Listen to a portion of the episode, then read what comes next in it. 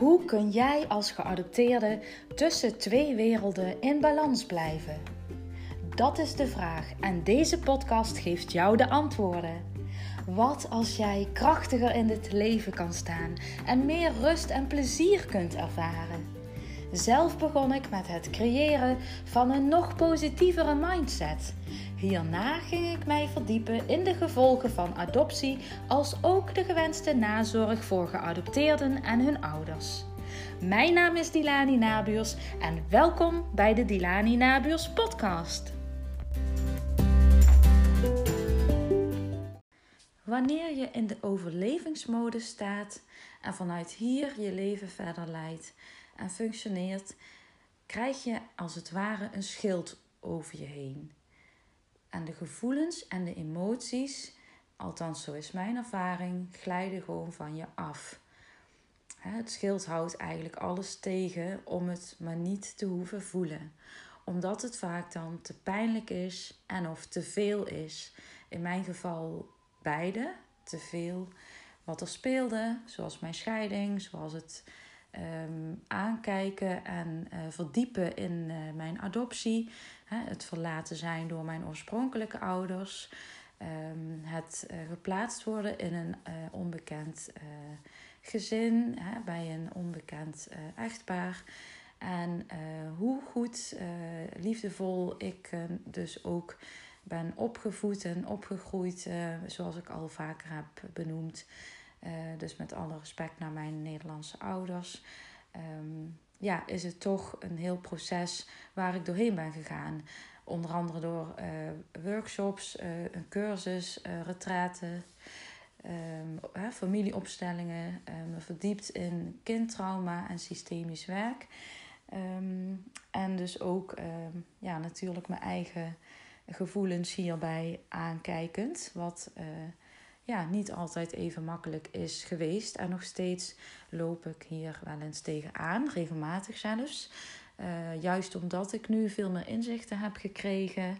En in um, ja, wat het eigenlijk inhoudt om uh, verlaten te zijn door je oorspronkelijke ouders als baby of als kind. En wat de gevolgen dus zijn uh, bij veel ja, geadopteerden onder ons. Um, dus, dus waar je dan op latere leeftijd uh, tegenaan kan lopen. Um, nou, door die overlevingsmodus uh, ben ik dus ook echt minder gaan voelen. Um, en, en daardoor um, ja, ben ik dus op een gegeven moment ook heel erg moe geworden. En uh, werd er ook zoveel eigenlijk uh, kwam er op mij af qua informatie. Ik heb ook heel veel boeken gelezen, zoals jullie ook in mijn podcast uh, hebben gehoord. En hè, waarvan ik ook geprobeerd heb om uh, belangrijke kennis te delen met jullie. waarop ook weer hele mooie reacties kwamen. Dank je wel daarvoor nogmaals. En ja, dan is er dus ook tijd nodig om alles te verwerken en het hele proces uh, blijft gewoon doorgaan, omdat er van alles in beweging komt. Um, en dat kan natuurlijk na weken, na maanden, uh, ja, kan het nog doorwerken. Dus het is ook heel erg fijn om inzichten te krijgen wanneer ik uh, bijvoorbeeld reageer nog vanuit toen ik baby of hè, klein kind was. Hè, dus toen, waar um, welke behoeftes toen niet vervuld werden.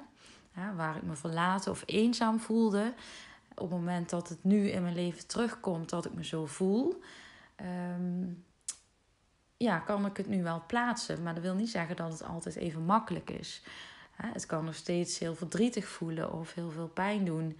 Um, het besef en het uh, inzicht waarom je je zo voelt en um, ja, wat je daaraan kan doen.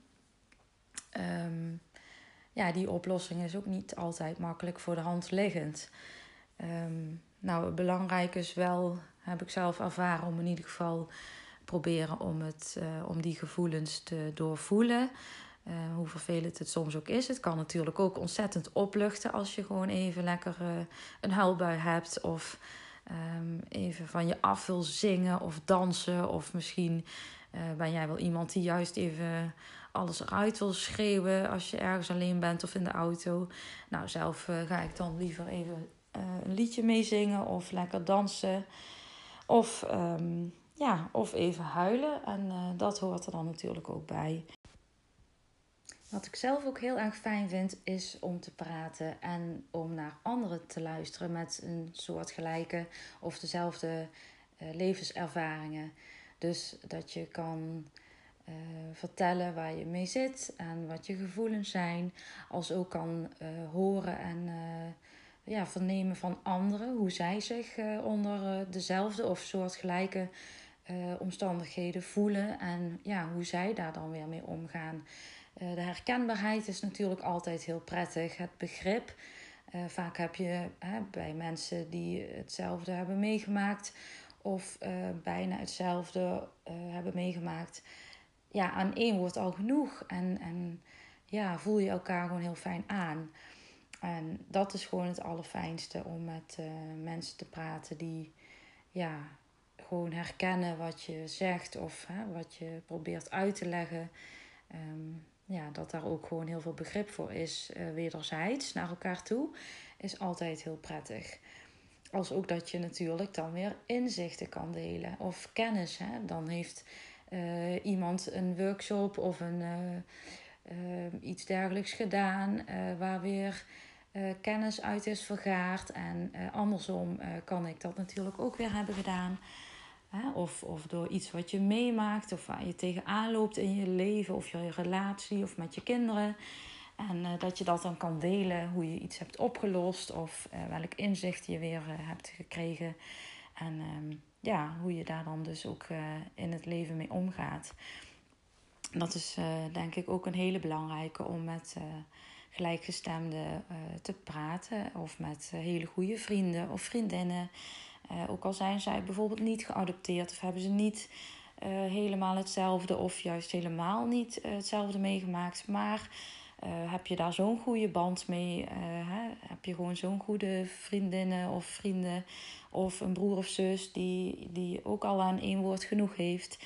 Nou, hè, ga gerust, ga vooral praten met iemand bij wie je je op je gemak voelt, bij wie je je gehoord voelt. En ehm, ja, dat uh, is natuurlijk ook altijd heel erg fijn. Ik merk ook dat steeds meer mensen om me heen, uh, bekenden ook, uh, tegen ja, kantelpunten aanlopen. Hè? Dus bijvoorbeeld in je relatie of met werk of met um, ja, hoe sta ik nu in het leven. Dat kan natuurlijk door onze leeftijd komen. Hè? Dat je dan op zo'n punt komt van ja, waar, waar sta ik en wat wil ik eigenlijk nog in mijn leven. als ook dat ik dus veel mensen om me heen hoor uh, die ja, echt in een relatie ook um, ja, worstelen met, met bepaalde. Ja, bijvoorbeeld het innemen van ruimte, het eenzaam voelen in de relatie, het, um, ja, het eigenlijk terechtkomen in die sleur, in uit elkaar groeien, in ja, en wat het dan dus met je doet, is voor ons geadopteerden vaak weer die eenzaamheid uh, die omhoog komt. Hè. Dat is natuurlijk ook voor andere mensen vaak zo. Maar um, voor ons geadopteerden is het uh, wel extra voelbaar, denk ik. Um, en ja, dat is dus gewoon heel uh, moeilijk. Van hoe ga je daar dan weer mee om? En hoe leg je ook je partner uit waar het vandaan komt? Hè? Als je partner bijvoorbeeld niet geadopteerd is Ehm, ja, is het juist heel belangrijk om ook daarover te kunnen praten. En om uh, ja, daarover natuurlijk je, je gevoelens te kunnen delen. Dus uh, ja, als dat mogelijk is, is dat natuurlijk heel belangrijk en fijn. Nou, ik hoop dat je aan deze podcastaflevering weer iets hebt gehad. En ik ben natuurlijk ook heel benieuwd of jij tegen deze dingen aanloopt en hoe jij hiermee omgaat.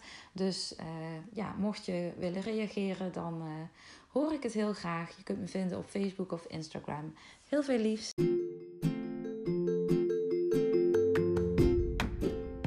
Hartstikke bedankt voor het luisteren. En mocht je iets terug willen doen voor alle gratis content die je van mij ontvangt, dan waardeer ik het enorm als je deze aflevering deelt in jouw stories en mij even tagt. Zodat ook andere personen kunnen gaan genieten van meer rust en plezier in hun leven.